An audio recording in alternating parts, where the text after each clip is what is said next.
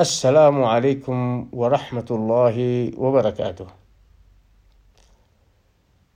من حقك أن تحدد قيمة استشارتك مهما كانت مرتفعة، ومن حق الآخر أن يقبل أو يرفض.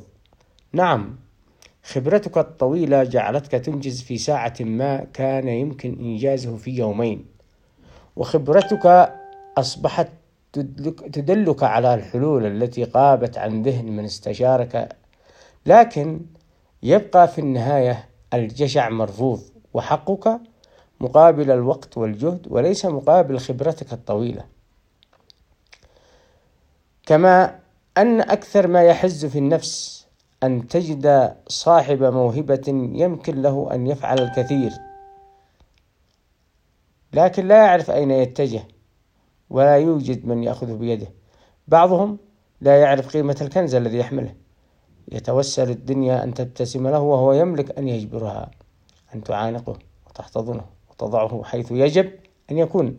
مع الأسف موهبة عظيمة لكن سلوكه سيء. هو بنفسه ينحر مواهبه.